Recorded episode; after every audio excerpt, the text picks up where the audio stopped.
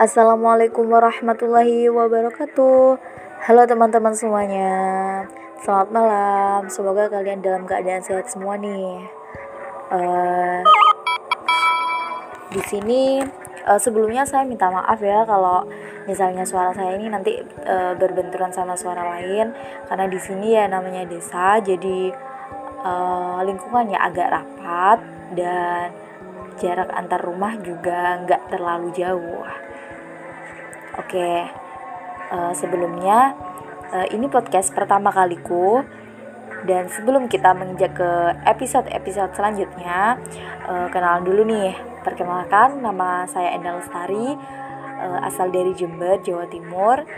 Sekarang sedang berkuliah di Politeknik Ahli Usaha Perikanan Jakarta. Masih semester 1, jadi masih mahasiswa baru.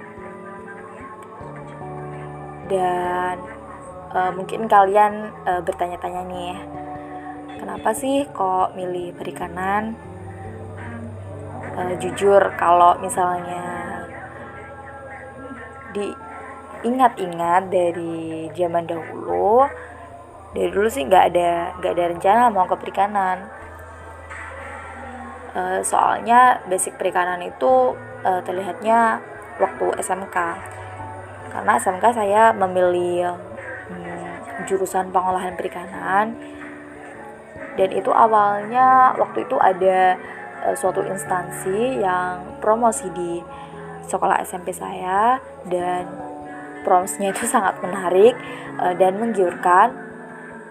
Dan itu mengenai uh, gaji karena kami di situ masih SMP dan kami tergiur dengan imbalan-imbalan gaji yang disebutkan apabila kita bekerja di uh, luar negeri seperti di Jepang waktu itu uh, mereka promosi um, uh, kalau uh, lulusan dari SMK Perikanan dan Kelautan ini uh, selalu bisa bekerja di luar negeri seperti di Jepang dan bayarannya itu bukan main lagi.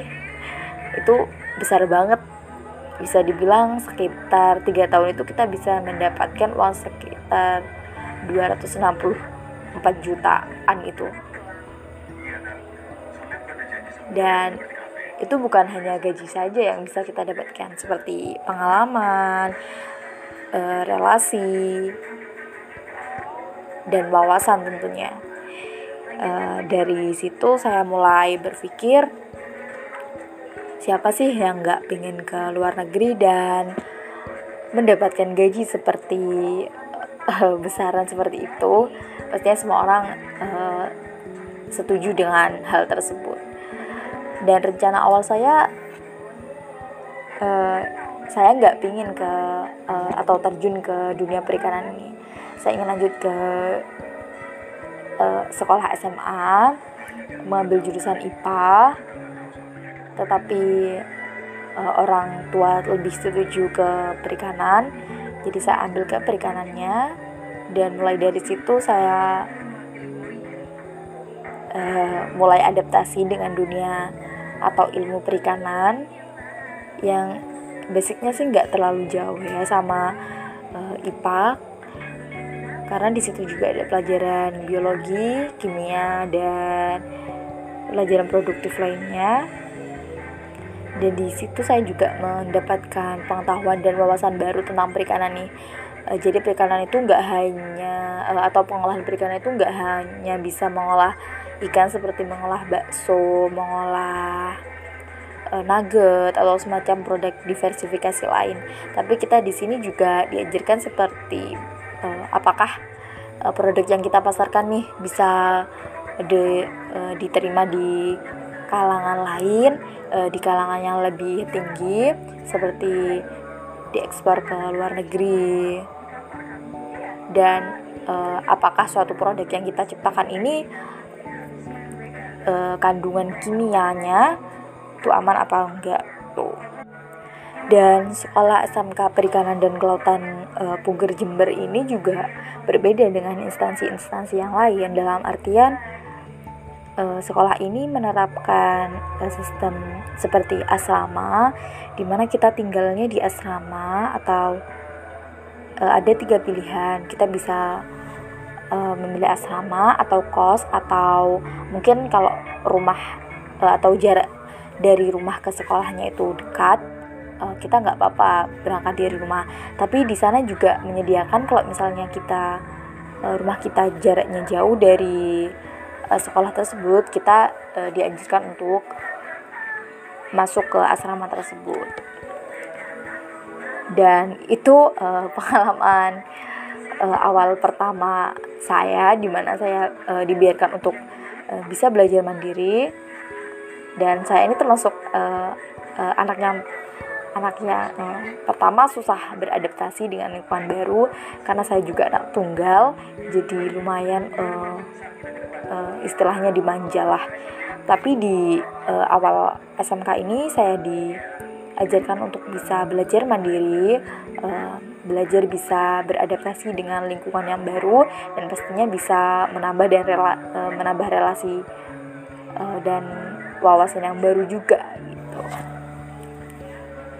Dan di SMK ini juga tidak hanya mengajarkan bagaimana sih uh, ilmu perikanan itu tetapi kita juga diajarkan seperti